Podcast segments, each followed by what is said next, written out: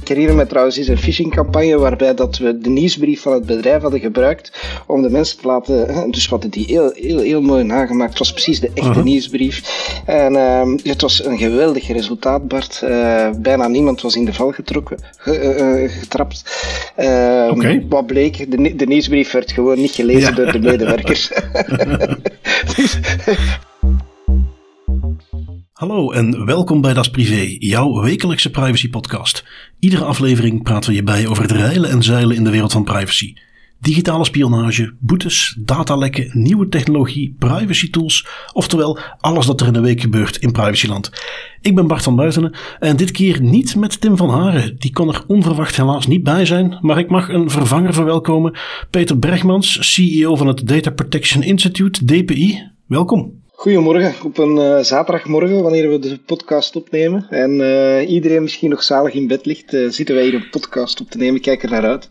Inderdaad, ik ook. Leuk om jou er een keer bij te hebben. Zoals je weet had ik al langer gezegd dat wij eens een Das Privé discours op moesten nemen. Maar bij deze doen we eens een gewone aflevering. op de zondagochtend inderdaad, maar de mensen zullen die pas op dinsdag aangeleverd krijgen. Um, ja, jij bent nog een stukje langer dan ik actief in privacy en security. Wij werken ook al heel wat tijd samen. Dus dus wij gaan, net zoals dat ik het anders met Tim doe, samen het privacy nieuws van deze week cureren en eruit halen wat er echt toe doet. Wat mag je in deze aflevering van Das Privé verwachten? We hebben een zelfhulplijn die AI gebruikt om je gegevens te analyseren en die vervolgens netjes door te verkopen.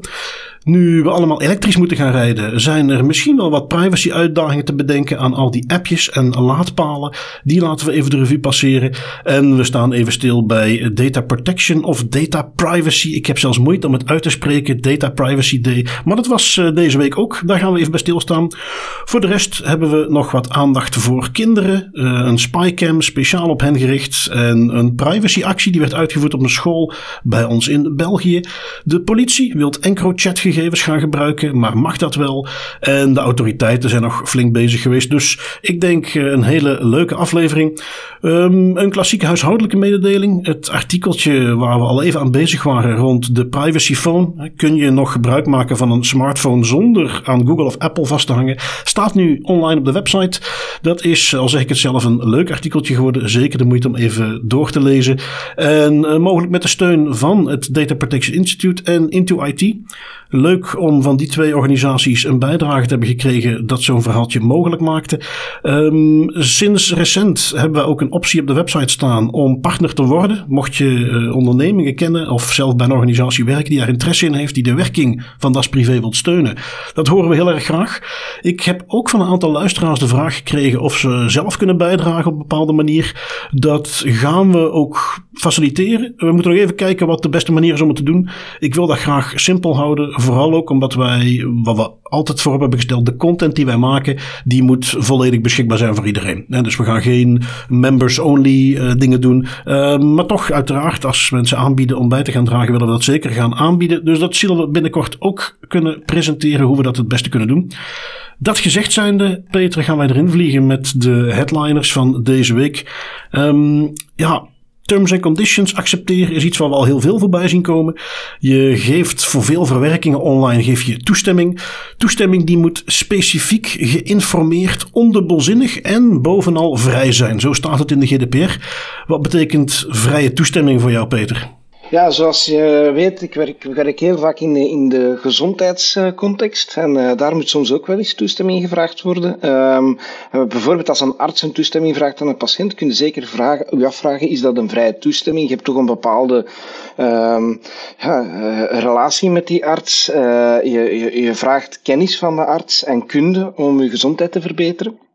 En ik denk bijvoorbeeld in zo'n context dat een vrije toestemming een heel moeilijk gegeven is. Dus uh, vrij betekent dat beide partijen eigenlijk nergens een, onafhankelijk, een afhankelijkheid van elkaar hebben, uh, die ervoor zorgt dat je echt gemeend kunt toestemmen of weigeren. Ja, nou ja, een mooi voorbeeldje inderdaad in de zorgsector, waarbij uh, die, ja, die, die officiële vrije toestemming, er moet inderdaad niks zijn wat jou belemmert om toestemming te geven, al niet evident is. Ik heb er eentje meegenomen, dat is een artikeltje van Politico, waar we dat nog iets verder kunnen trekken. Um, dit is Crisis Textline, dat is een organisatie, een zelfhulporganisatie, waar jij als je in nood bent berichtjes kunt gaan sturen. Dat kan via Facebook, WhatsApp, um, dat kan gewoon via sms.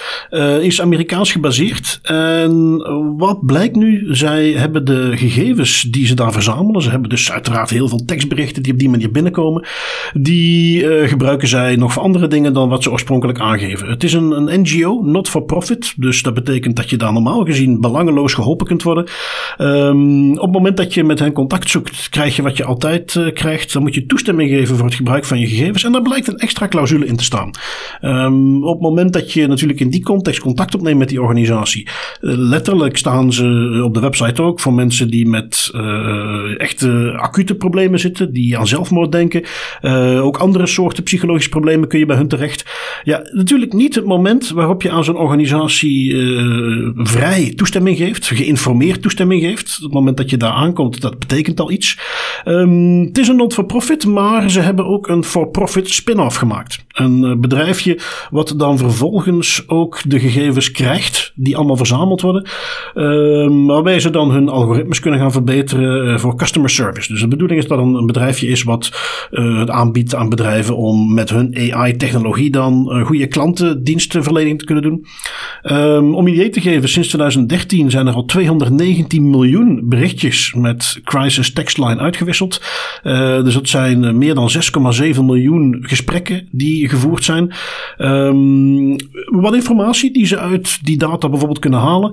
Uh, op een gegeven moment merken ze dat moment dat in de gesprekken het woordje uh, verdoofd en mouw tegenkomt, dan gaat het in 99% van de gevallen over mensen die aan zelfmutilatie doen. Hè, die bijvoorbeeld sneetjes op hun arm zetten of iets dergelijks.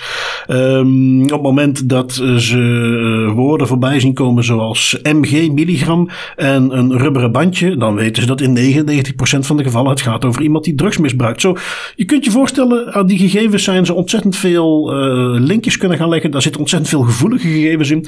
Um, wat de, uh, de CEO van het bedrijf zelf zegt is van ja, maar dit is eigenlijk een ideaal uh, situatie waarin je ziet hoe een, een non-for-profit toch op een profit manier geld kan verzamelen voor hun goede doel.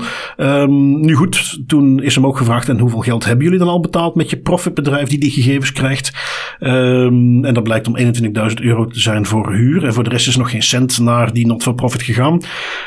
Wat de dat bedrijf nog wel zegt van ja, maar je moet wel weten, de gegevens die wij krijgen, die zijn geanonimiseerd. Wat is jouw eh, input, Peter? Ja, ik denk dat dat uh, moeilijk is, hè? die uh, anonieme dienstverlening. We zien dat trouwens ook bij de, bij de uh, hulplijnen hier in België, dat heel vaak rond, gesproken wordt rond anonieme hulpverlening. Maar mm -hmm. dat is mhm. heel moeilijk als er een communicatie wordt opgezet tussen twee personen. is het heel moeilijk om, om echt GDPR gewijs anoniem te zijn. Nu, ik denk ook dat de, de, de materie die hiervoor ligt, um, dat is toch iets dat we bijvoorbeeld uh, ja, in verschillende uh, organisaties en bedrijven vandaag zien. Dat is dat ze met AI, met AI willen gaan werken. Um, dat ze op zich wel merken dat dat vandaag nog niet optimaal werkt. Dat er data nodig is om uh, ja, alles te verbeteren en, en mm. de mhm. algoritmes te verbeteren. En dat ze dan heel snel al denken, kunnen we niet de dataset die wij hebben doorgeven aan het bedrijf dat ons ondersteunt.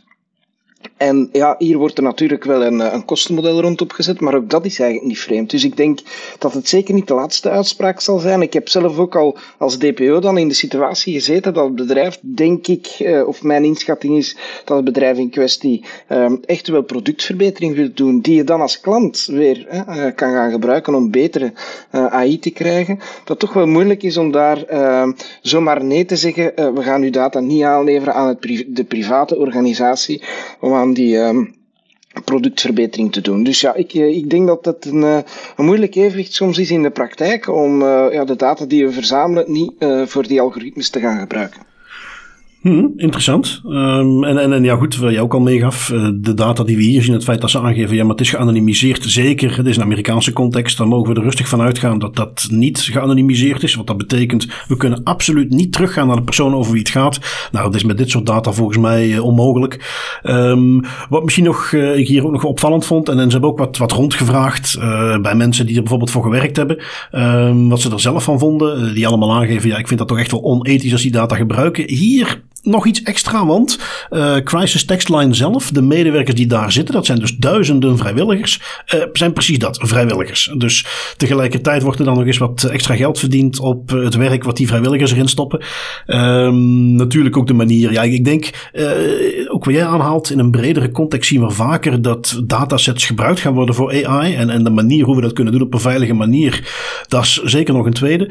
In de specifieke context hier, gelet op de gevoeligheid, ook gelet op de context van een, een, een not-for-profit, die dat ook niet echt transparant vertelt, vind ik het toch een hele moeilijke hier. Ja, zeker en vast. Hè. Eh, zoals gezegd, de context van uh, vrijwilligers, NGO's enzovoort, dat maakt. Uh, en, en natuurlijk de, de gevoelige dataset. Hè. We dan niet hmm. vergeten hoeveel gevoelige data zo wordt uitgewisseld. En ik denk dat we straks nog wel een case zien met. Ehm, ja, waar vrijwilligers of ja, mensen toch toegang krijgen tot een grote dataset. En op die manier die dataset ook kunnen gaan misbruiken. En dat is dan de vraag hoe dat, dat hier ehm, ja, goed beveiligd wordt, dat die mensen niet zomaar zelf die datasets kunnen gaan downloaden. Hè. Nou, ook dat. Um, even zien, wat hebben we nog meegenomen? Uh, eentje die ook wat aansluit bij uh, de tijden elektrisch autorijden, elektrisch laden. De IAPP, International Association of Privacy Professionals, heeft daar een artikeltje rond gepubliceerd. Uh, jij hebt dat wel bekeken, Peter. Wat hadden ze daarover te melden? Ja, ja, natuurlijk. Die laadpalen die komen overal. Nu heb jij al elektrische, een elektrische wagen, Bart? Uh, ik heb inderdaad, ik rij met een hybride en ik heb ook zo'n uh, laadpaaltje thuis staan. Dus uh, interessante ja. materie. Ja, zeker. En ik, ik rij zelf ook met een uh, elektrische wagen. Ik heb uh, vorig jaar zelfs wat geëxperimenteerd met, uh, met een aantal wagens. En ja, ik woon in een rijhuis, dus ik heb niet de mogelijkheid om aan mijn woning te laden. Dus ik moet heel veel gebruik maken van die publieke laadpalen. En het artikel ehm, ja, laat u toch wel nadenken over, over die laadpalen. Ik had er zelf nog niet zo heel hard over nagedacht, niet tegenstaan dat ik regelmatig sta tegenwoordig. Um, ja, je zou wel eens voor jezelf kunnen brainstormen. Wat kunnen die laadpalen nu allemaal uh, verkeerd doen? Hmm. waar, waar zouden we moeten op letten als we zo'n laadpaal uh, gebruiken? En ik heb zo'n paar dingen voor mezelf opgeschreven, eigenlijk na het lezen van het artikel. En uh, één was bijvoorbeeld, ja, je staat natuurlijk wel langer stil dan bij een klassieke laadbeurt. Hè? het kan bij een snellader een half uur of een uur duren, vooraleer dat je je um, gewenste lading hebt gekregen. Hmm. dat geeft natuurlijk wel de mogelijkheid om op dat moment iemand te gaan bezighouden. Hè. De vraag is, wat doet u tijdens dat uur snel laden? En uh, ja, hoe meer data, hoe meer dat we een persoon kennen, hoe interessanter dat het wordt om die vrije tijd te gaan, uh, te gaan gebruiken. Dus uh, volgens mij is de, de, degene die gaat laden zeker een target om geprofiled te worden en om extra diensten te gaan aanbieden. Dus er is zeker een opportuniteit. Uh, natuurlijk, je hebt ook het, het, het, slimme uitwisselen tussen de wagen en, uh, en de laadpaal. Hè. Dus uh, het zijn slimme interfaces. mijn wagen bijvoorbeeld vandaag, daar moet ik zelfs geen kaart meer voor houden. Dus de wagen identificeert zichzelf bij de paal. Oh. Er is oh. helemaal geen interactie meer nodig. Dus dat betekent dat er toch wel identiteiten worden uitgewisseld. En um, dat, dat, dat dat kunnen we gaan misbruiken. Als ik, uh, als ik uh, zou kunnen weten hoe uw auto zich identificeert bij zo'n laadpaal, en misschien kan ik een sniffer gaan bouwen tussen de laadpaal en, het, uh, en de wagen, dan kan ik u op uw kosten gaan tanken. Dus dat lijkt me ook een, qua security toch wel een interessante uitdaging. En misschien nog eentje erbij nemen, dat is natuurlijk dat je uh, tankt bij één bepaalde maatschappij soms, hè, waar dat we bij klassiek gezien uh, bij Total of uh, en afgewisseld met Shell en met andere maatschappijen een klassieke tankbeurt kunnen krijgen, gaan we hier vaak ons bijvoorbeeld op het Ionity-netwerk zetten, hè, wat toch een vrij gesloten netwerk is. En dat geeft natuurlijk de mogelijkheid om nog meer te gaan profileren. Hè. We zouden tot statements kunnen komen zoals de BMW-rijder gaat altijd op vakantie naar Saint-Tropez. Zo'n zaken kunnen we, kunnen we gaan ontdekken. Dus ja, het is maar, ik had er hier nog veel meer opgeschreven, Bart, maar we moeten ook een beetje kijken naar de tijd. Maar ja, er zijn denk ik heel wat zaken waar we kunnen over nadenken dat die laadpalen dus effectief niet zo um, onschuldig zijn. Uh, misschien eentje als uitsmijter. Hè. Natuurlijk, de overheid die moet permissie geven, toestemming geven om die laadpalen te gaan installeren. Zou de overheid misschien toch niet vragen aan die fabrikanten om ook wat informatie te krijgen om het, ja, de infrastructuur te organiseren op een efficiënte manier? Dat lijken me allemaal zaken te zijn waar dat we uh, zeker moeten voor opletten. Um, en ik weet niet of dat het, uh, of dat het bij u al uh, opgevallen is, maar kennisgeving of dergelijke meer op die laadpaal, die heb ik nog niet gezien. Dus ik denk dat daar ook nog wel wat uitdagingen zijn. Nee, nee, nee. En uh, ik bedenk me eventjes toen ze bij mij, ik heb dan zo'n zo'n wandkastje laten installeren buiten, dat ik mijn auto daaraan kan hangen. En ik heb daar een offerte voor opgevraagd en ik zat die te bekijken. En op een gegeven moment viel mij op dat er gesproken werd over 4G-connectiviteit. En ja, ik uh, natuurlijk een beetje beroepsgedeformeerd. Uh, ik dacht bij mij eigen dat het ding moet gewoon stroom leveren. Niks meer, niks minder. Ik wil daar voor de rest, moet daar vooral geen 4G-connectiviteit in zitten. Ga navragen. Uh, blijkt dat dat inderdaad, als ik daar niet specifiek naar had gekeken, dat daar meteen 4G in had gezeten. Dat daar informatie op en neer gestuurd zou worden naar de leverancier van die laadpaal. Het idee was van ja, maar als jouw werkgever dat dan op een bepaalde manier wilt vergoeden, die stroom, dan houden we dat allemaal bij. En dan kunnen wij precies zien wanneer jij geladen hebt, hoeveel je geladen hebt. Als jij de kaart gebruikt die we erbij kunnen leveren, dan uh, kunnen we dat nog beter bijhouden. En, en als je daar dan wat over na gaat denken, dan zie je dus hoe jij zelf al meegeeft dat die kabels zelf veel meer kunnen doen dan alleen maar stroom uitwisselen. Dat de kaartjes, als je die dan nog wel hebt gebruikt, dat die een bedrijf inzicht geven in waar is iemand geweest. Hoe lang is hij ergens geweest? Wat voor rijpatronen zijn er? Kunnen we daar conclusies aan verbinden? Als die 4G-connectiviteit erin zit, en natuurlijk het feit dat je laadpalen gebruikt, dan hebben we ook locatie van mensen. Dus daar valt eigenlijk heel veel mee te doen. Uh, ik ben ook zelf een tijdje, al een tijdje betrokken bij een bedrijf wat heel veel doet met locatiegegevens. En daar zijn ontzettend veel conclusies uit te verbinden. Dus um, ik vond het daarom ook een heel interessant artikel, uh, want het is iets waar je nog niet veel over gehoord hebt. Het is weer typisch zo'n voorbeeldje van de technologie snelt vooruit. En er zijn heel veel goede redenen waarom we dat willen gaan gebruiken. Maar dat aspect van persoonsgegevens is iets wat duidelijk op de, uh, de passagiersbank zit. En daar gaan we volgens mij binnenkort pas achter komen wat er allemaal mee verkeerd kan gaan. Ik denk dat, uh, dat hier, uh, ik geef het voorbeeld, hè. Ik, ik, ontdek dan dat er een 4G-kaartje zou kunnen inzitten of connectiviteit in zit. Het is heel simpel op te lossen door daar een labeltje op, dat, uh, op, op de hardware te zetten van hier zit mogelijk 4G-capaciteit in. We zouden de burger veel meer kunnen informeren met labels, met ook hmm. met certificaten. Ik zou mij als consument iets geruster voelen als ik zie dat daar een bepaalde certificatie ook voor uh, data protection ja. is gegeven. Ja. Uh, en dat zijn zaken waar de, de GDPR voorziet dat, voor alle duidelijkheid. Maar we zien daar dat eigenlijk de industrie nog wel wat achterloopt. Uh. Dat heeft uiteraard te maken met onder meer de kost om dat allemaal te gaan uitdenken. Want dat gaat natuurlijk samen met audits en met, met controles. maar ik denk dat daar toch wel voor dit soort van technologie een, een meerwaarde in zit van daar ja, met labels te werken, zodanig dat je een bepaald vertrouwen krijgt als consument ja. om die dienst te gebruiken. Ja, ja, absoluut. En uh, dat, dat, aspect van dat beter informeren, ook met de, de, leveranciers van die bakjes die er zelf helemaal nog niet bij stilstaan, is een belangrijke. Nu, iets wat daar aan bij kan dragen is een stukje awareness en is zoiets als uh, Data Protection Day, uh, 28 januari. hoe heb jij dat gevierd, Peter? Groot feest, groot feest. Het was ook een vrijdag, dus uh, dat vier ik altijd vrijdag. uh, maar uh, ja, we hebben, we hebben bijvoorbeeld, ja, het is uh, als, als bedrijf bijvoorbeeld wel een opportuniteit om een aantal commerciële activiteiten uit te rollen. Dus wij, wij hebben een contest gedaan ehm, rond, rond die dag. Um, ja, het zet het natuurlijk in de, in de kijker, uh, al heb ik soms toch wel wat, wat moeite met het label dat het krijgt. Hè. De Data mm. Privacy Day. Ik weet niet of dat jij daarover nadenkt, Bart, maar... Ik, uh, ja, kijk, dat is zo'n stokpaardje wat heel veel privacy professionals hebben. Hè. Dat is data privacy. Dat, dat, dat, dat, er komt een beetje iets naar boven in mijn mond als ik dat moet uitspreken. Het is ook typisch een Amerikaanse term die je veel tegenkomt. Maar toch ook hier uh, ja, in, in, in België en Nederland zie ik dat ook vaak voorbij komen. Een data privacy specialist die ze dan zoeken. Uh, nu goed, voor de duidelijkheid. Je hebt dus twee aparte dagen. Je hebt Data Protection Day, gegevensbeschermingsdag. Dat is de Europese variant. En die bestaat sinds 2006. komt komt voort uit, we hebben in Europa al sinds 1981 een bepaald verdrag. Uh, en dat is overigens Europa in zijn brede context, hè, niet per se de 27 lidstaten, maar ook daarbuiten.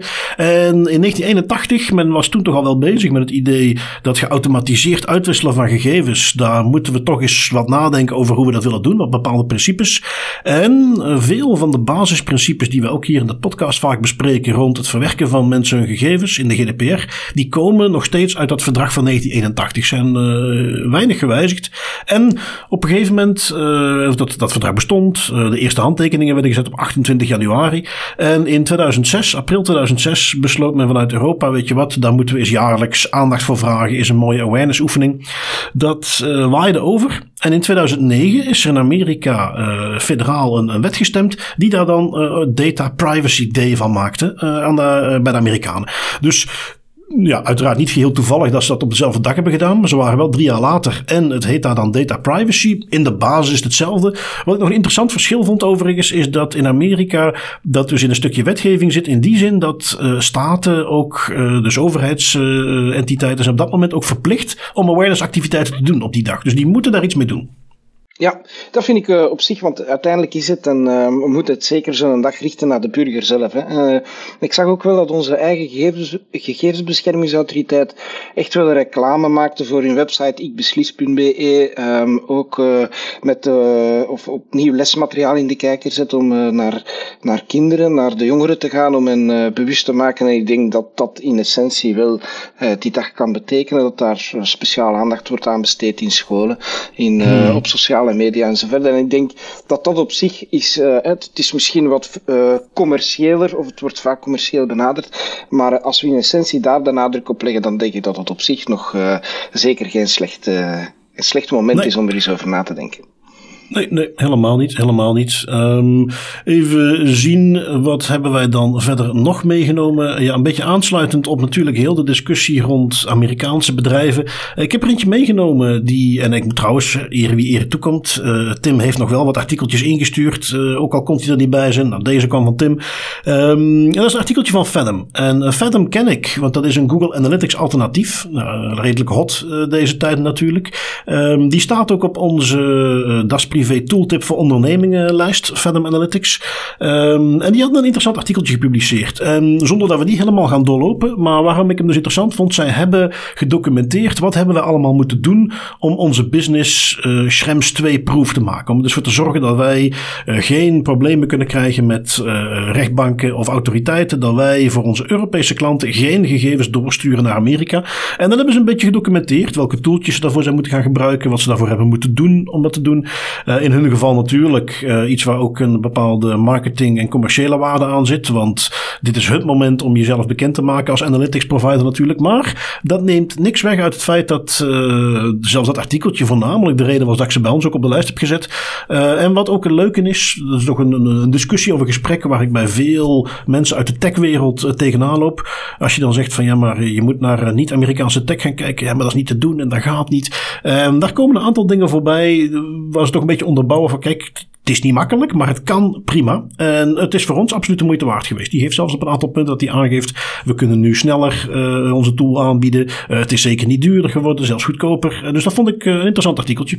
Ja, ik denk dat in ieder geval de, de tooltips die je online hebt gezet, Bart, ik vind dat een ongelooflijk interessant initiatief. Er zijn heel wat mensen die vandaag op zoek zijn naar, naar die alternatieven. En ik denk dat de lijst het mooie samenbrengt. Dus de mensen die daar nog niet naar gaan naar kijken zijn, doe dat zeker. Ga, ga zeker eens uh, shoppen in die lijst. Het is, uh, het is ook een hele uitdaging, denk ik, om die, om die lijst eerst en vooral op te stellen en nadien ook, uh, ook bij te houden. Hè, want het kan zomaar eens zijn dat een van de onderliggende toetsjes dat je gebruikt als fabrikant plots wel blijken persoonsgegevens bijvoorbeeld door te geven. Dus ehm, ja, ook daar denk ik dat het ook voor die bedrijven inderdaad een uitdaging is. Wanneer als zij op die manier naar de markt willen gaan, een soort van privacy-proof label willen krijgen, dat ook voor hen een uitdaging zal zijn om dat ook te blijven behouden, dat leren. Hmm. Ehm, maar ja, we zien toch meer en meer de trend. En, en ehm, bijvoorbeeld als ik kijk bij de, bij de Vlaamse Toezichtscommissie, waar ik ook deel van uitmaak, en waarbij dat we de Vlaamse overheid nu en dan over de vloer krijgen met de vraag om bepaalde data te, te exporteren of, of te laten verwerken door een Amerikaanse onderaannemer. De eerste vraag die je als toezichthouder stelt is: wat is uw alternatief? Heb je de alternatieven deftig onderzocht? We krijgen heel vaak de reflectie: ja, maar de alternatieven zijn te duur of uh, die kunnen net dat niet wat dat we nodig hebben. Hè? Dat is toch heel vaak de uitleg die men geeft. En ik denk dat die lijst minstens ook voor ons trouwens een referentie is om eens te gaan kijken: ja, zijn er effectief alternatieven beschikbaar? Hmm. En heeft de organisatie in kwestie dan wel een goed onderzoek gedaan naar die alternatieven? Hè? En ik denk, ja, Google Analytics is zeker die een heel populair zal worden de komende maanden, denk ik. Uh, ja, om, ja, als, uh, om een alternatief te zoeken in ieder geval. Hè? Daar schijnt wel wat om te doen te zijn. Um, even zien, we hebben natuurlijk ook nog, um, oh ja, voor ik die trouwens meeneem, nog een andere. Uh, wat ligt er bij huis? De VRT had een artikeltje. Een school die heeft een onderzoekje gedaan bij hun leerlingen. Die hebben, ja, je kent eh, Smart School wel, het platform waar afhankelijk van welke tools de school er precies van gebruikt, maar alles van puntenlijsten tot uh, communicatie met de ouders en leraren, huiswerk, schoolagendas, noem maar op, wordt via Smart School gepubliceerd. Dus daar krijgen kinderen op school heel veel berichten van. En deze school had het op zich genomen om in het kader van een beetje awareness ook eens een berichtje te sturen via Smart School. Ze hadden uh, in Westmalle zit die school, het was het Sint-Jan Bergmans College, hadden ze een nep docent aangemaakt, of een nep account. En via Smart School had hij een mailtje verstuurd naar alle leerlingen, um, waarbij dan de bedoeling was dat als ze er als het ware intrapten, dat ze dan naar een webpagina gingen en daar gegevens zouden ingeven zoals adres. Um, het ging om ongeveer een twaalfhonderdtal leerlingen die dus een mailtje kregen dat ze duizend wafels konden winnen als ze hun gegevens ingaven. Hoeveel uh, denk je dat er voor gegaan zijn, Peter? Uh, hoeveel leerlingen zaten er op de school? Uh, goh, 1200. ja, ik zag ook een, een derde. Een derde, wel, dat is right on the money. Uh, het was inderdaad okay. een vierhonderdtal leerlingen die ervoor gegaan zijn. Um, aan de ene kant is het natuurlijk goed dat ze er die, die uh, aandacht voor vragen. Zeker ook in die leeftijdscategorie. Ik blijf altijd een beetje dubbele gevoelens hebben bij dit soort acties. Ook als we dat binnen bedrijven zien. Waar we natuurlijk heel vaak zien van die phishing acties. Um, omdat, en dat, dat vind ik hier ook een beetje. Ik zie dat bij mijn eigen dochter ook. Die school werkt ook met Smart School. Die krijgt daar dus ontzettend veel berichtjes van. Um, goed, dat je daar vervolgens dan op doorklikt en gegevens gaat geven, vind ik nog iets anders. Maar ik zie dus heel veel bij organisaties dat ze alles op alles zetten om mensen er als het ware in te laten trappen. En op de linkjes te klikken.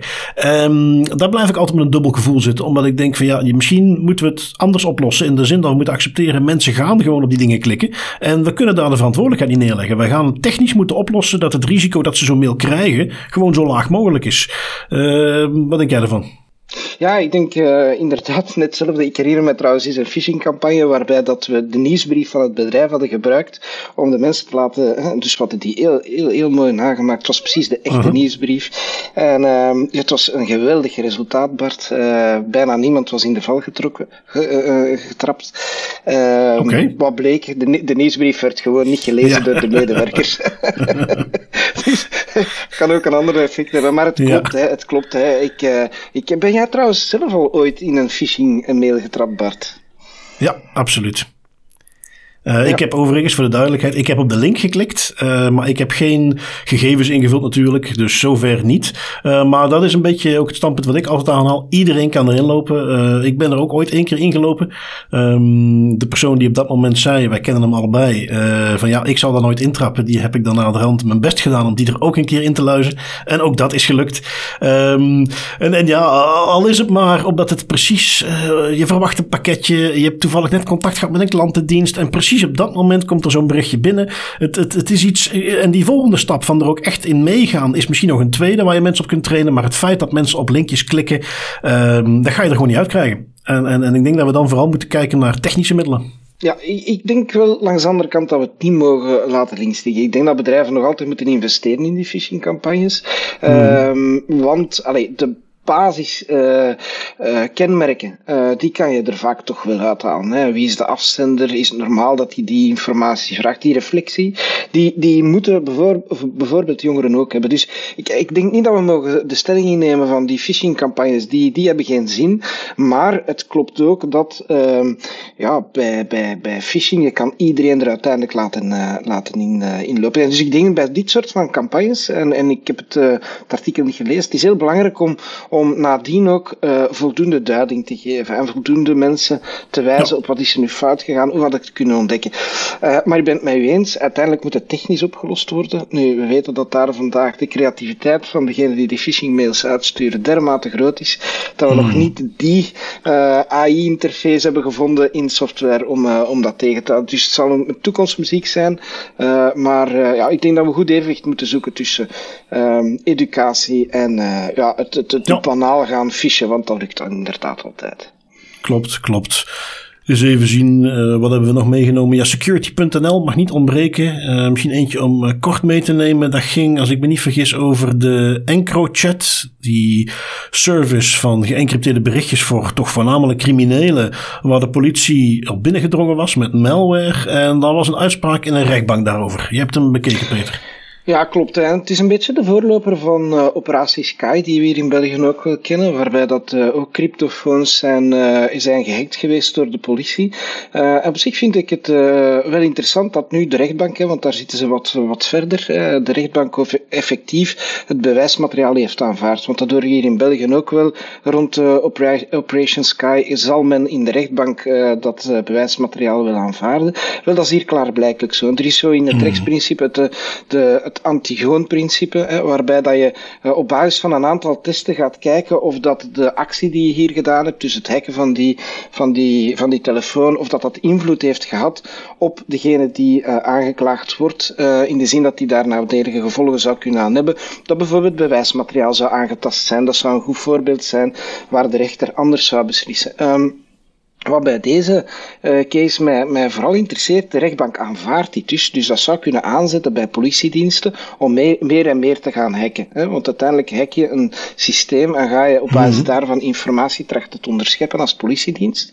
En als je dan nog één stap verder denkt, dan zou het wel eens kunnen dat politiediensten bepaalde fouten in software, denk bijvoorbeeld aan een, een bug in, uh, in Facebook, die toegang geeft tot uh, andere mensen hun Facebook-profielen, dat je die als politiedienst vaststelt en niet gaat gaat melden, met de bedoeling om dat ook te kunnen gaan gebruiken om informatie te gaan verzamelen. En dat is natuurlijk wel ergens daar een evenwicht en daar vraag ik me wel af, hoe gaan we dat evenwicht kunnen houden? Hoe gaan we kunnen ervoor zorgen dat de politie zelf geen hacker wordt, maar dat hij toch dat hij misschien een ethische hacker wordt, hè? dat er uh, voldoende afweging gebeurt tussen wat men doet en de inbreuk, ja, het maatschappelijk ja, ja. belang van de bug die dat erachter zit bijvoorbeeld en uh, de impact die er is. Hè? Ja, dat is een interessante die je veel voorbij ziet komen. De, de, kijk, eh, eigenlijk het is geweten dat de NSA heeft gewoon zijn eigen potje met kwetsbaarheden in software die ze kunnen gebruiken. Um, waar dan dus inderdaad, als zoiets naar buiten komt, ook als zij zo'n potje verliezen, uh, de discussie is van ja, maar had je dat niet al moeten uh, doorgeven aan een Microsoft of een Amazon?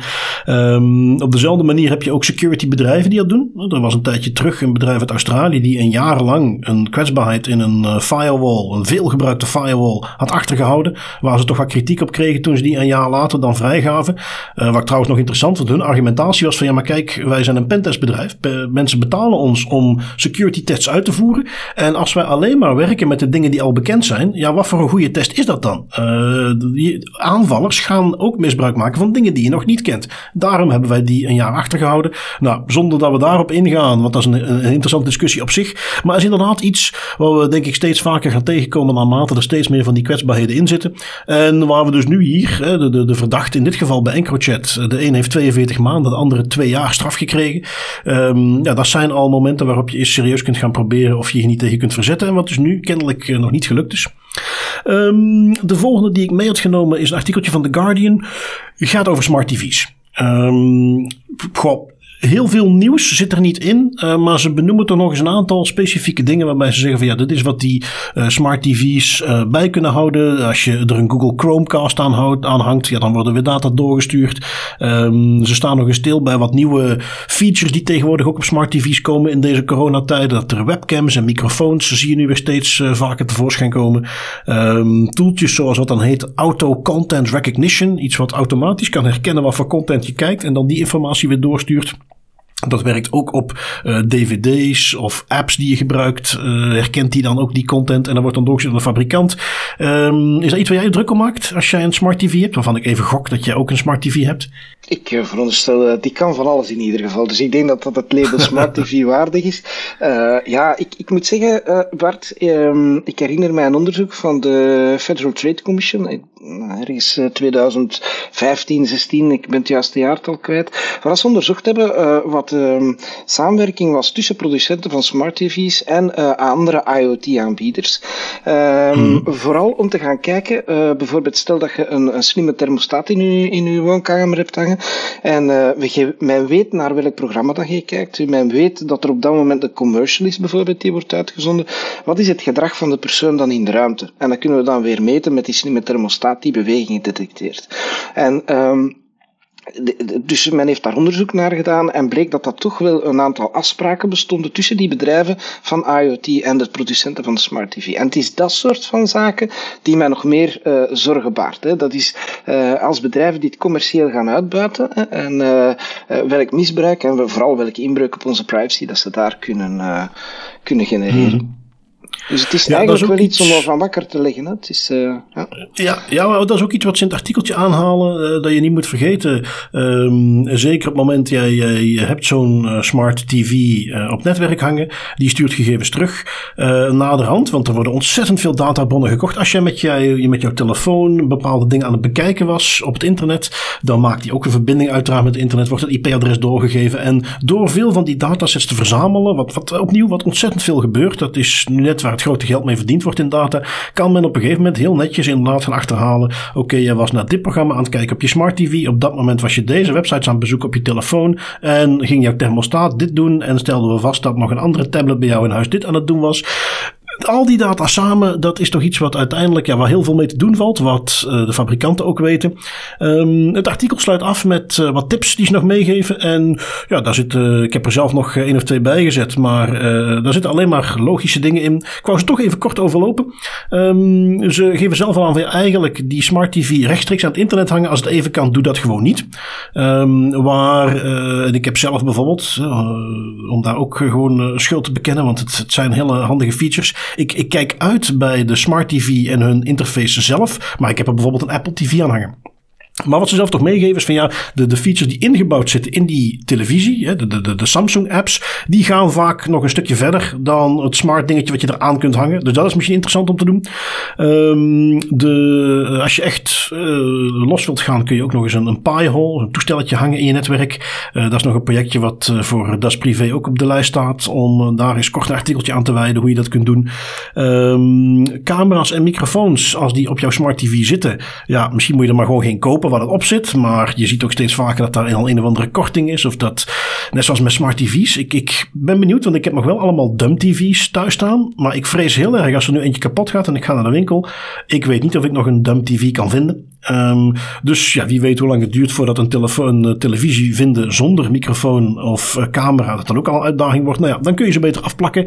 Um, uh, nog eentje die heel evident is, maar toch zeker de moeite om te vermelden is: ga al die settings in die televisie maar eens even af. Want waar wij weten dat je wettelijk verplicht bent om als iemand geen keuze maakt te kiezen voor de meest privacyvriendelijke setting, is dit in mijn hoofd is het zo, je hebt, je hebt qua uh, overduidelijke schendingen, heb je uh, op de webs uh, online heb je cookies. Nou, dat is iets waar je nu ziet de autoriteiten eindelijk bij komen. Ik denk dat dit de volgende gaat worden. Het feit dat al die settings, op welke apps je ook kiest of installeert of aanzet, dat die als het even kan allemaal met de meest privacy-invasieve settings aanstaan. En dat moet eigenlijk wettelijk gezien ook gewoon uitstaan.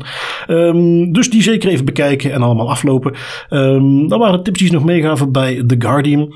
Um, even zien dan hebben wij zo waar. Een interessante eentje. Om die, om die nog uh, af te ronden, ik heb, uh, ik heb ooit eens in de, in de privacy notice van zo'n tv gelezen. Er stond effectief gewoon in, um, gelieve uh, in de buurt van het toestel geen gevoelige gesprekken te ja, voeren. Ja, ja. Nu, ja, bon, dan moeten we toch wel een groot huis hebben met een aparte tv-kamer, zodat we dat zo ja. kunnen gaan organiseren. Dus het is, het is daar ook zeker wel nuttig om eens een keer, gewoon uit, uit nieuwsgierigheid al eens die privacy notice te lezen. Ja, dat was een Samsung, als ik me niet vergis. Uh, dat, was, uh, dat was wel een mooie, ja. Um, even zien, de, de, volgende die we hadden is van uh, ook security.nl over de GGD. En, wat daarmee gebeurd is, in de coronatijden hadden zij iets opgezet om alles rond vaccinaties en besmettingen en dergelijke te registreren. Is niet helemaal goed gelopen en dat begint nu een staartje te krijgen. Jij had deze even bekeken, Peter. Dus de GGD, dat is de, in Nederland, dat weet jij misschien uh, Bart, de gemeentelijke gezondheidsdienst. Het is eigenlijk uh, in Nederland iets anders georganiseerd. Waar we uh, het, het, agentschap Zorg en Gezondheid in Vlaanderen hebben, die, die heel wat uh, doet rond uh, contact tracing. Zij zijn degene die u contacteren en uh, verder inlichten of dat u bij een besmet persoon bent geweest en wat u dan moet doen.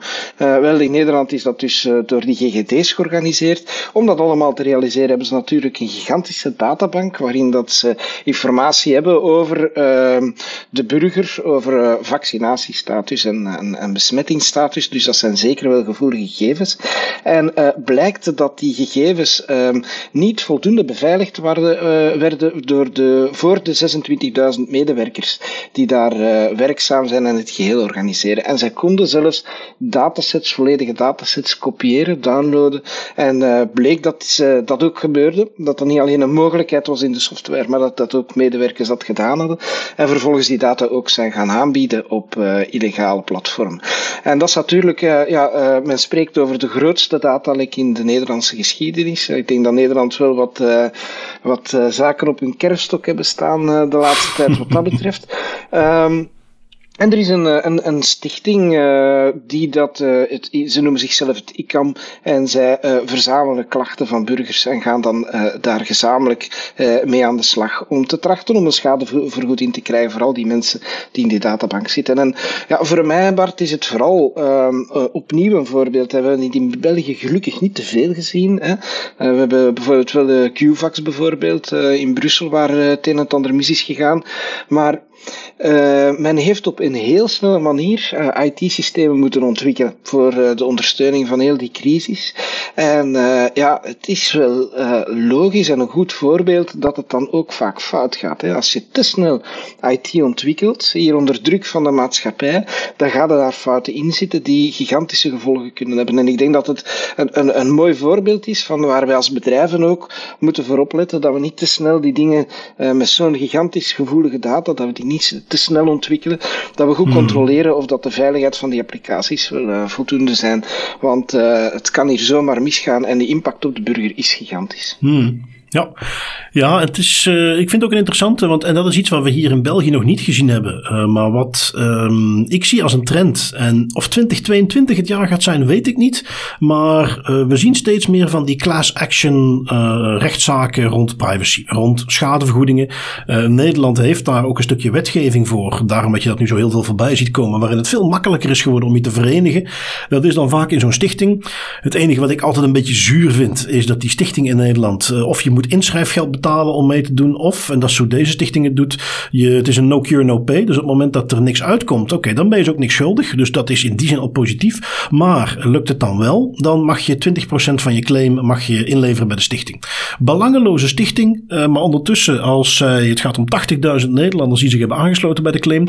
Uh, ze vragen de stichting in de claim 500 euro als jouw data gestolen kon worden. Het zat in die dataset. En 1500 als bewezen is dat het echt gebeurd is. Als we zelfs die 1500 even buiten beschouwing laten en je zegt die 80.000 mensen die claim wordt toegewezen, ja, dan hebben we het wel even over 40 miljoen euro's, waar die stichting 8 miljoen euro, 20% uh, in hun zak mag steken. Ja, daar zit natuurlijk ook een, een, een beetje een, een, commerciële incentive achter, wat die stichting dan precies mee gaat doen. Als dat lukt, dan moeten we nog maar zien. Maar het is wel iets, naast boetes, die we nu steeds meer zien uitgegeven gaan worden, is dit iets waar ik van verwacht dat het de komende jaren een, drijfveer gaat worden uh, voor veel organisaties om er beter mee om te gaan. Want ja, tegelijkertijd. GGD, 40 miljoen. Wat ik dan tegelijkertijd meteen bedenk, het is hier niet een commercieel bedrijf wat uh, aan de schandpaal genageld wordt, maar het is eigenlijk een organisatie met een doelstelling om de gezondheid van mensen te bevorderen. Dus die 40 miljoen afhandig gaan maken. Ah, dat is toch ook. Ja, het is de reden waarom we hier in België geen boetes opleggen aan uh, overheidsentiteiten. Hè? Ja, klopt, klopt, klopt. Uh, wanneer uit zo'n systeem zoveel geld wordt gehaald, dan, uh, dan gaat het zeker ook tot een tegenreactie uh, leiden. De, nasmaak die ik soms heb met, met dit soort van zaken, en, en het is inderdaad correct als een, als, een, als een organisatie daar zoveel geld aan verdient, dan opent dat ook de ogen. maar ik zie toch vaak dat heel wat klachten rond gegevensbescherming eigenlijk in essentie klachten zijn om een ander misnoegen uh, op de voorgrond te laten treden. Bijvoorbeeld hier, ik kan me inbeelden van al die mensen, die 80.000 mensen die zich hier uh, achter scharen, dat er daar een aantal zijn die eigenlijk gewoon de overheid willen pakken en zeggen: overheid is niet goed, dus ik ga proberen daar geld aan te verdienen. En Sowieso. gegevensbescherming is hier maar een middeltje. En ik zie dat zelf ook wel in heel veel klachten van, van burgers, dat daar altijd onderliggend iets anders aan de, gang, aan de hand is en dat men dan ook denkt: we zullen ook nog eens naar uh, de, de toezichthouder, de gegevensbeschermingsautoriteit of de, of de VTC, we gaan daar naar stappen, we gaan nog, nog meer proberen ons gelijk te halen. En dat is. Uh, hier is natuurlijk, uh, het is natuurlijk onvergeeflijk dat zoveel gegevens zijn misbruikt, op zo'n manier ter beschikking zijn gesteld. enerzijds, maar anderzijds is die intentie niet altijd gegevensbescherming van de mensen die die klachten indienen. Nee, klopt. En uh, want die is veel voorbij gekomen. Ik, ik, moet dan wel zeggen, als je ziet hoe het daar is gelopen uh, en het feit dat wij hier in België ook zo'nzelfde systeem uit de grond moeten stampen om dat soort gegevens uh, bij elkaar te krijgen, maar dat daar toch op dit moment rond security en dergelijke nog geen enkel signaal is geweest dat daar iets niet, niet goed zat. Dat is iets wat ik toch wel belangrijk vind. En, en nou, voor zover het duurt, goed dat dat zo gelopen is. Um, Ehm, even zien, ik had nog een uh, heel kort, gewoon eentje die leuk is. Uh, een spycam die speciaal gericht is op kinderen. Hoe, hoezo gericht op kinderen? Wel, dat is, je kent die kleine cameraatjes wel, uh, cloud cameraatjes die je op afstand kunt bekijken met een appje. Dit is er ook zo eentje, maar die heeft een extra leuk uiterlijk gekregen. Het lijkt op een uiltje. Um, dat uiltje heeft dan schermpjes waar de ogen moeten zitten en die geven dan emotie weer. op het moment dat het uiltje met zijn ogen knippert, dan is er iemand op afstand een snapshot aan het nemen. Knijpt hij zijn oogjes bij elkaar, dat betekent dat er is iemand live aan het meekijken. En het is dus bedoeld als een soort camera waarmee je dan als ouder uh, je kinderen op afstand in de gaten kunt houden. Um, wat ik me er vooral bij zat te bedenken, want het principe op zich is niet nieuw. Hier vond ik het uh, interessante dat het uh, qua uiterlijk weer bezig is om dat idee van, oh maar je wordt, kijk hier is het lieve uiltje en daarmee kunnen we kijken of alles goed met je gaat. Het normaliseert dat gevoel van, ik word continu in de gaten gehouden. En uh, ik, het, is, is maar een, een concept van een artiest. Uh, je kunt het wel echt bestellen. Maar um, ja, het sluit aan bij iets wat ik maar vaker zie. Het, het, normaliseren van dat continu in de gaten gehouden worden. Iets wat we bijvoorbeeld ook op, op scholen nu heel veel zien. Als kinderen examens moeten afleggen, dat ze maar moeten accepteren dat er een camera staat die ze ook even de camera moeten laten zien. En die identiteitskaart voor moeten houden. En alles wat ze doen wordt bijgehouden. Het, uh, ja, het is een beweging die we zien. Ja, ik, uh, ik, ik, maak me daar eigenlijk wel zorgen over. Ik heb zelf uh, twee dochters hè, van uh, 13 en 15 jaar. Uh, volop um, in, in de fase om zo al eens links ergens te kijken of er interessant potentieel op de markt is. en um, ja, ze weten natuurlijk dat hun vader veel bezig is met, met gegevensbescherming. Hè. En um, ik, ik, ik denk niet dat ze me 100% vertrouwen op wat ik allemaal doe. Hè. Soms hoor ik ergens iets en dan vragen ze hoe weet je dat? En dan zeg ik, ja, maar je weet dat toch? Ik heb hier ik ergens camera's geïnstalleerd en ik, ik voel, ik zie het, het ongemak in hun ogen. En um, ik moet daar zelf van mee oppassen dat ik daar niet te ver in ga. Maar ik denk dat we uh, ja, bij kinderen dit soort van, van zaken een averechts effect gaan hebben op termijn. Hè. Ze gaan, ze gaan de maatschappij, ze gaan de mensen om zich heen meer vertrouwen en je ziet dat in hun ogen. Uh, en ik denk uh, ja, dat, dat we heel voorzichtig moeten zijn. En, ehm, en, en, en, en ik, ik denk dat sommige ouders, hè, bijvoorbeeld uw kind dat naar het strand gaat en waar dat je wilt volgen uh, waar het kind is om niet, om niet kwijt te geraken. Uh, er zijn daar ongetwijfeld zeer nuttige toepassingen te bedenken, maar in, in essentie gaan ze toch altijd in op, dat, op, die, op die persoonlijke levenssfeer van het kind. En in, een kind dat in ontwikkeling is. En dat mogen we niet vergeten voor dit soort van toepassingen. Dat uh, nee, nee, helemaal mee eens. Absoluut. Um, even zien, dan normaal gezien kijken wij nu naar de datalekken. Ik heb het al in de gaten gehouden deze week, maar eigenlijk, uh, behalve natuurlijk ransomware hier en daar, weer een paar Amerikaanse partijen die een datalek hadden. Maar ik heb niks interessants gezien aan datalekken, dus die gaan we uh, heel kort houden. Uh, of nou ja, die gaan we gewoon overslaan. En we gaan meteen door met de autoriteiten. You Um, daar was aanzienlijk meer te doen. Uh, zeker ook in Scandinavië. Uh, de eerste, had hem meegenomen, Peter, uh, van Tweakers. Een, een Noorse autoriteit die nu ook een mening heeft over Google Analytics. Ja, het is, uh, het is een trend die nogal eens aan bod is gekomen. Uh, die Google Analytics, dat uh, wordt wel wat. Hè. Het probleem, kort geschetst, is dat, dat daar sprake is van een doorgifte en dat bedrijven of organisaties die die Google Analytics gebruikt, minstens de uitspraken van Schrems moeten respecteren en een analyse moeten doen van die doorgifte en alles in orde maken zodanig dat die doorgifte conform is met wat daarover gezegd wordt. En daar wringt het schoentje meestal.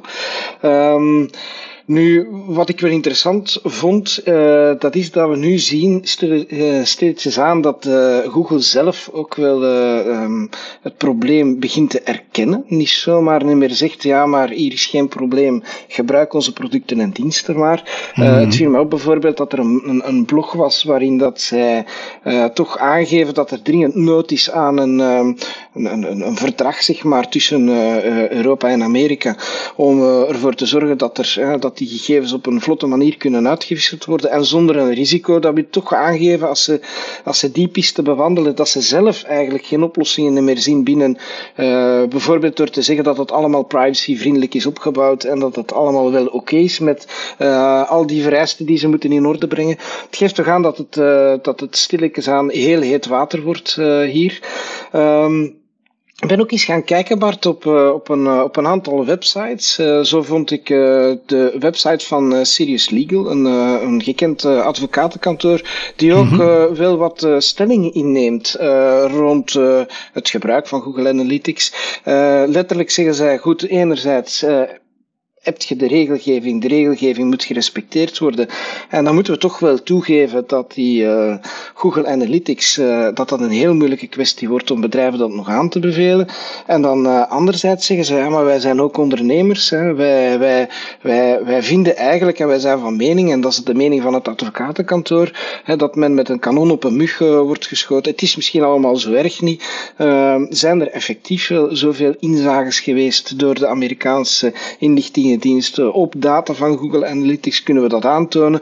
Dus zij gaan langs de andere kant uh, vanuit hun, hun, oogpunt motiveren hè, dat er uh, misschien toch wel niet zoveel aan de hand is.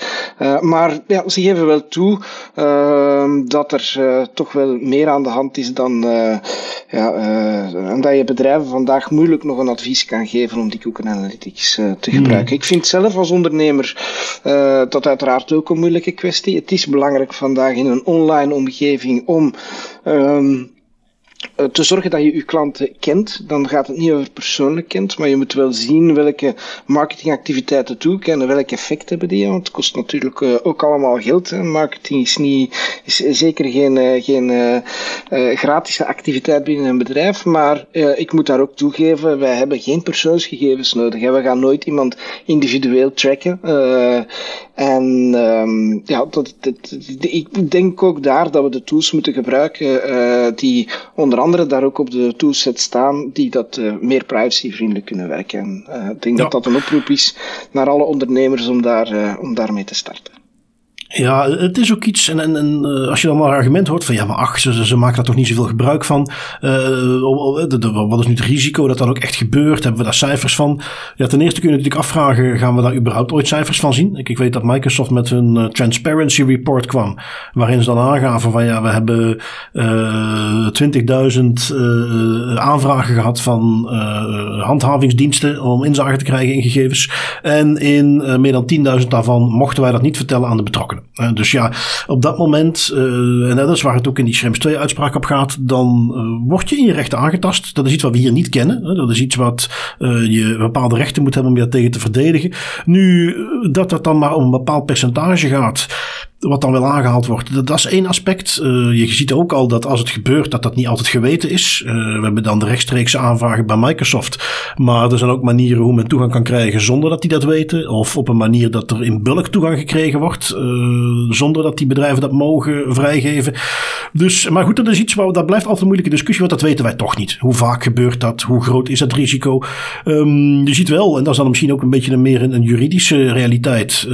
dat men zegt van ja, maar dat eigenlijk maakt dat niet uit. Dat zijn fundamentele rechten. We hebben dat recht op privacy. We hebben daar bepaalde dingen aan gekoppeld. En dat betekent op het moment dat er ook het risico bestaat dat, of het nu gebeurt of niet, dat er wetgeving is die het mogelijk maakt om, om die rechten aan te tasten. Ja, dan moeten we daar palen perk aan stellen. Want hier begint het. Maar zoals we ook weten, dat is vaak iets wat langzaamaan dan steeds verder uitbreidt. En hier zie je gewoon heel sterk dat vanuit Europa, eh, rechtbanken, Europese hoven, autoriteiten, dat daar een beetje een beweging begint te ontstaan. Het is genoeg geweest. Um, dat, dat idee van Europese digitale soevereiniteit. We hebben als Europa de laatste decennia ons volledig laten ondersneeuwen met technologie, tools die we gebruiken, dagdagelijks, waar we eigenlijk ons hele hebben en houden uh, neerplaatsen. En dat is volledig niet in onze handen. En daar zit gewoon een risico aan. En ik, ik, ik, ik heb zelf het gevoel dat er vanuit Europa, in de hoogste regionen van de heren ministers en overheden die daar eens over samen zitten, ook een idee ontstaan is van hier moeten we iets aan doen. Wij zijn daar veel te afhankelijk van.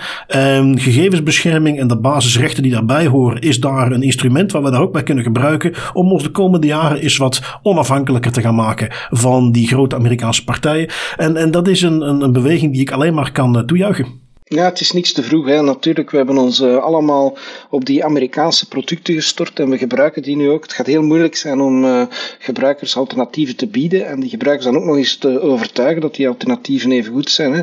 Uh, en uh, ik denk dat het nogal klassiek wat te laat is hier en dat we kunnen hopen dat nu toch tenminste die aandacht blijft. Denk ook aan onder meer de Chinese inmenging, waar het, waar ook wel vaak iets over te doen is. De participatie van Chinese uh, in Belgische bedrijven, in Europese bedrijven. Dus dat is, het zit eigenlijk allemaal in die grote uh, bubbel aan, aan problematieken. En inderdaad, we moeten beseffen dat, dat, dat, we, dat we heel vaak fundamentele elementen in onze maatschappij niet meer in eigen handen hebben. En dat is mhm. iets waar we zeker moeten overwaken. Ja, um, even zien, wat hebben we nog? Andere autoriteiten die het iets minder ver gaan zoeken. Ik heb er eentje meegenomen uit Zweden. Um, in Scandinavië waren ze dan deze week uh, aanzienlijk actiever. Um, dat ging over, uh, die hebben twee boetes uitgedeeld. Uh, eh, 150.000 euro aan een ziekenhuis en 30.000 euro aan een overheid. En waarom ik hem interessant vond, dat ging over twee dingen waar je al vaak discussie over hebt gehad. Dat weten we allebei. In onze context als adviseur hebben we vaak moeten zeggen, ja maar dit soort dingen via mail gaan versturen, dat kan eigenlijk niet. Um, is altijd een moeilijke discussie geweest intern in een organisatie om dat te gaan verkopen. Maar ook daar zie je dat dat langzamerhand steeds heftiger gehandhaafd wordt. En, en waarom vond ik deze interessant? Uh, specifiek degene die ze aan het ziekenhuis hadden opgelegd. Want het ging dus allebei over het mailen van gegevens. Um, is, is hoe diep ze eigenlijk zijn gegaan, ook technisch. Uh, ze hebben bij dat ziekenhuis gezegd van ja, we stellen vast dat jullie gebruik maken van de Microsoft omgevingen, klassieke Outlook. Je verstuurt die mails, je hebt de standaard instellingen van Microsoft gebruikt. En als we die bekijken, dan zien we dat daar gebruik gemaakt wordt van het eh, versleutelingsprotocol. Op het moment dat je die gegevens over het internet stuurt. Dat heet dan TLS 1.2. Wel zeggen ze, we hebben dat bekeken en we stellen vast dat uh, die uh, mails, als ze dan over het internet gaan en, en verzonden worden naar de ontvanger, dan zijn die weliswaar geëncrypteerd, maar de inhoud daarvan niet. En als die verkeerd terechtkomen, is dat nog leesbaar. Het protocol wat jullie gebruiken, wat de standaard instelling van Microsoft is, betekent ook als iemand geen gebruik maakt van een dienst die die encryptie ondersteunt, dan wordt die mail niet, niet verstuurd. Nee, dan wordt die gewoon verstuurd zonder encryptie. Um, dat is ook een risico wat ze hier zagen. En het is dus iets, hè, dat principe van ja, op zich, eh, als jij via Gmail of Microsoft mailtjes verstuurt, die zijn, die verbinding naar de servers onderling is versleuteld, maar het mailtje op zich niet. Als het mailtje ergens aankomt of dat komt ergens in een mailbox terecht, is het gewoon leesbaar. Iets wat we altijd al wisten, iets waar wij vaak hebben moeten adviseren. En dat is waarom je in een mailtje niet zomaar uh, patiëntengegevens of personeelsgegevens, gevoelige gegevens erbij mag stoppen. Je moet dat op zijn minst dan het bestandje zelf nog encrypteren of, of een alternatief voor mail zoeken. Um, dat is waarom ik deze interessant vond, omdat het dus nu, voor zover ik weet, de eerste keer is dat in dit geval een ziekenhuis ook effectief 150.000 euro boete krijgt voor het gebruik van mail voor gevoelige gegevens. Ja, en uh, ik denk, zoals je zegt, het is, uh, het is hier uh, in België ook vaak een discussie. En dan kreeg ik soms eens al een keer een reactie van een arts die zegt: ja, maar de patiënt vraagt mij om die gegevens te mailen. En dan komt er op een, een heel interessante vraag naar boven. In welke mate kan de patiënt, of de, de, de data subject, de betrokkenen, kan die vragen om toch op een onveilige manier bepaalde informatie te ontvangen? En daar is een interessante uitspraak van een, een, rechtbank Düsseldorf. En die zegt eigenlijk dat het uh, al dan niet geven van zijn toestemming dan echt wel het recht is van, uh, van de patiënt, van de betrokkenen.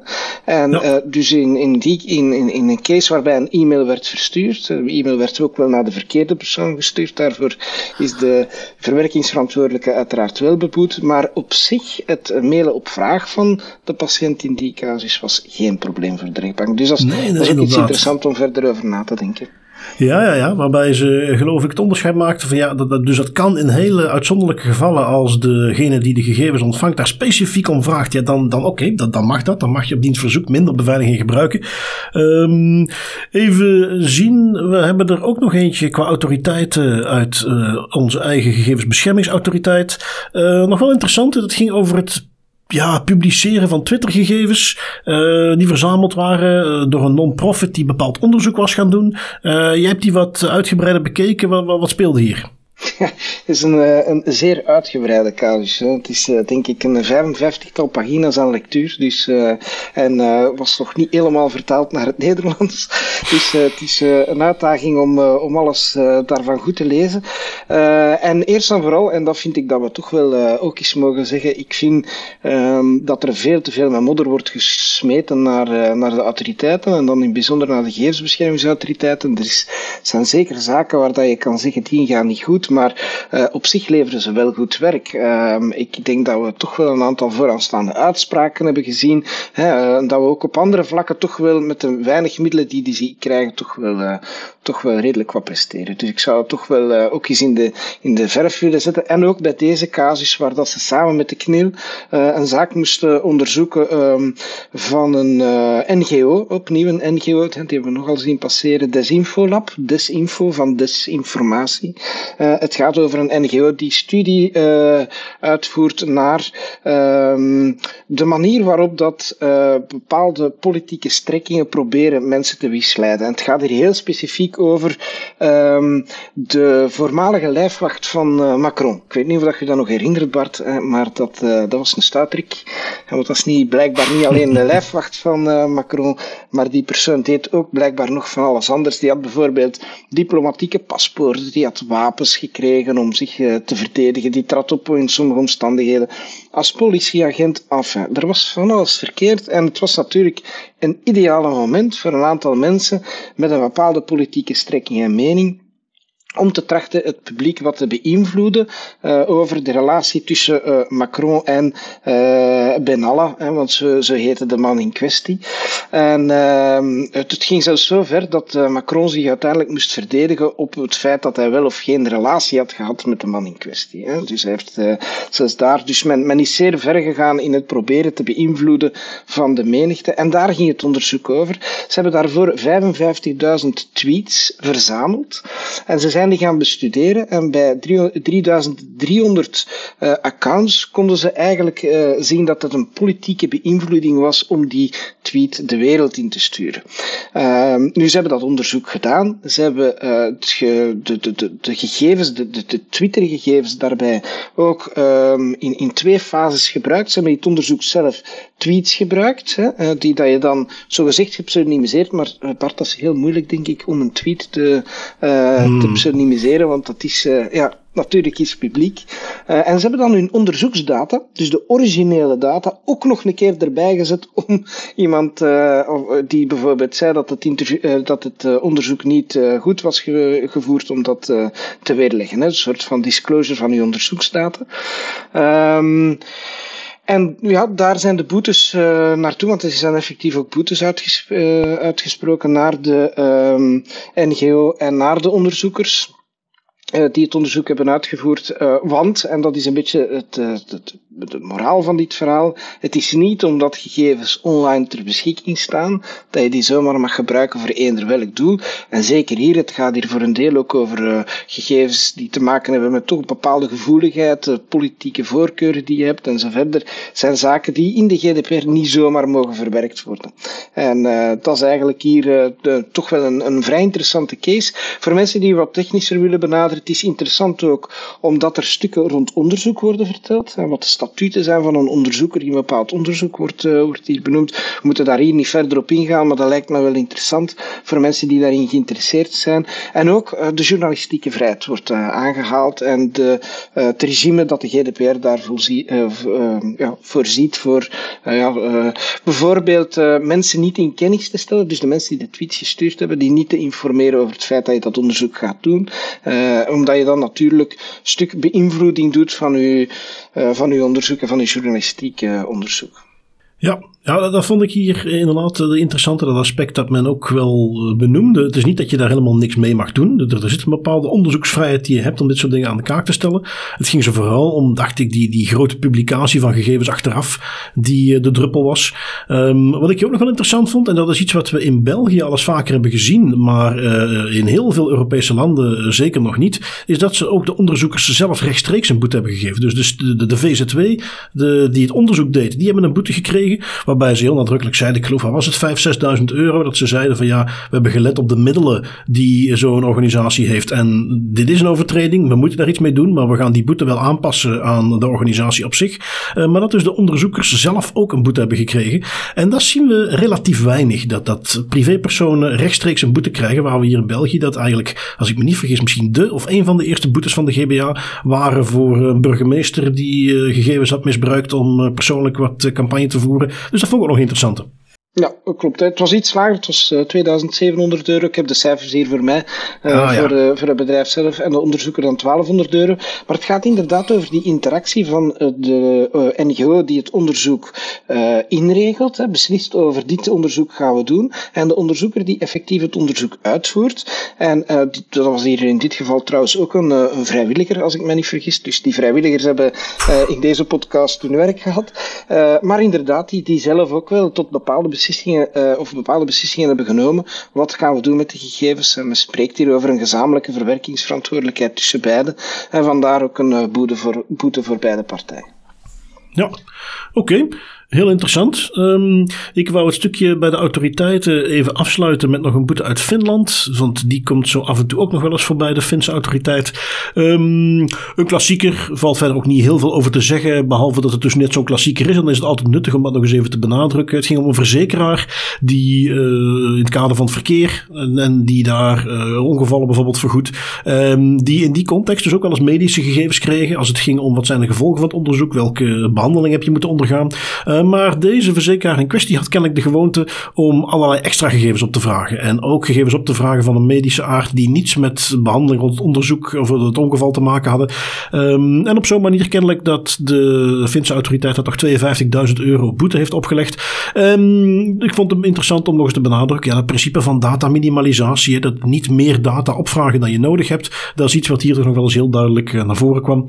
Um, ik zit even te kijken, de privacyvraag. Ik had deze week geen privacyvraag voorbij zien komen. En omdat we uh, toch uh, wat extra tijd moesten stoppen in de voorbereiding, is er ook niet van gekomen daar naar op zoek te gaan. Dus we hebben geen privacyvraag deze week. Privacy pointers um, heb ik natuurlijk toen we het over die tv hadden, daar zaten al wat uh, tips in. Um, ik zat te denken om er eens een keer eentje mee te geven die wat minder een, een toeltje is of iets, maar die ik zelf heel interessant vond. Um, zoals je ook al aangaf, Peter, we zijn inderdaad bezig met die, die lijst van Das Privé tooltips voor ondernemingen waar je alternatieven kunt vinden voor de klassieke Amerikaanse providers. En eentje waar we ondertussen echt een hele serieuze lijst eh, voor hebben, is eh, aanbieders van cloud uh, infrastructuur, alternatieven. Um, de recentste toevoeging daar is Infomaniac. En ik kwam toen ik dan hun, hun tooltjes wat aan het bekijken was en aan het zoeken was naar informatie over waar ze data opslaan, kwam ik ook bij een virtuele rondleiding die ze online hebben gezet. En dat heb ik nog niet vaak gezien. Ik, ik, ben al wel eens in datacenters geweest. Ik weet hoe die eruit zien. Maar in zoveel detail ken ik dat niet. En dat vond ik interessant. En daar kun je dus op klikken en dan heb je echt een soort, ja, zoals Google Street View krijg je een rondleiding in hun datacenter. En dat vond ik heel interessant om eens een keer te zien. Um, ik heb in de, in de show notes ga ik ook een linkje erbij zetten naar een video van Hetzner. Niet toevallig ook uh, een van de Duitse cloud providers die ook op onze lijst staat. Uh, een van de grootste in Europa durf ik wel zeggen. En die hebben ook een videootje gepubliceerd waarin ze uh, een, een, journalist rondleiding geven in hun datacenter. Dus twee dingen die ik allebei interessant vond om eens een keer te delen. als je dat eens een keer wilt zien hoe dat eruit ziet, zijn dat mijn tips om eens een keer te bekijken. Um, ja, Peter, dan rest mij niets anders dan jou heel hartelijk te bedanken voor jouw tijd om even in te springen voor Tim op zo'n korte termijn. Ik vond het eh, heel leuk dat je erbij was. Het was een hele eer om uh, Tim te vervangen. Ik wens hem uh, al het beste toe. En uh, ik vond het een hele eer in ieder geval om, om hier te mogen zitten. Oké, okay, uitstekend. Ehm, onze luisteraars ook weer bedankt om naar ons te luisteren. En als alles verder goed gaat, is Tim er volgende week weer bij. En dan horen jullie dan weer. Tot dan.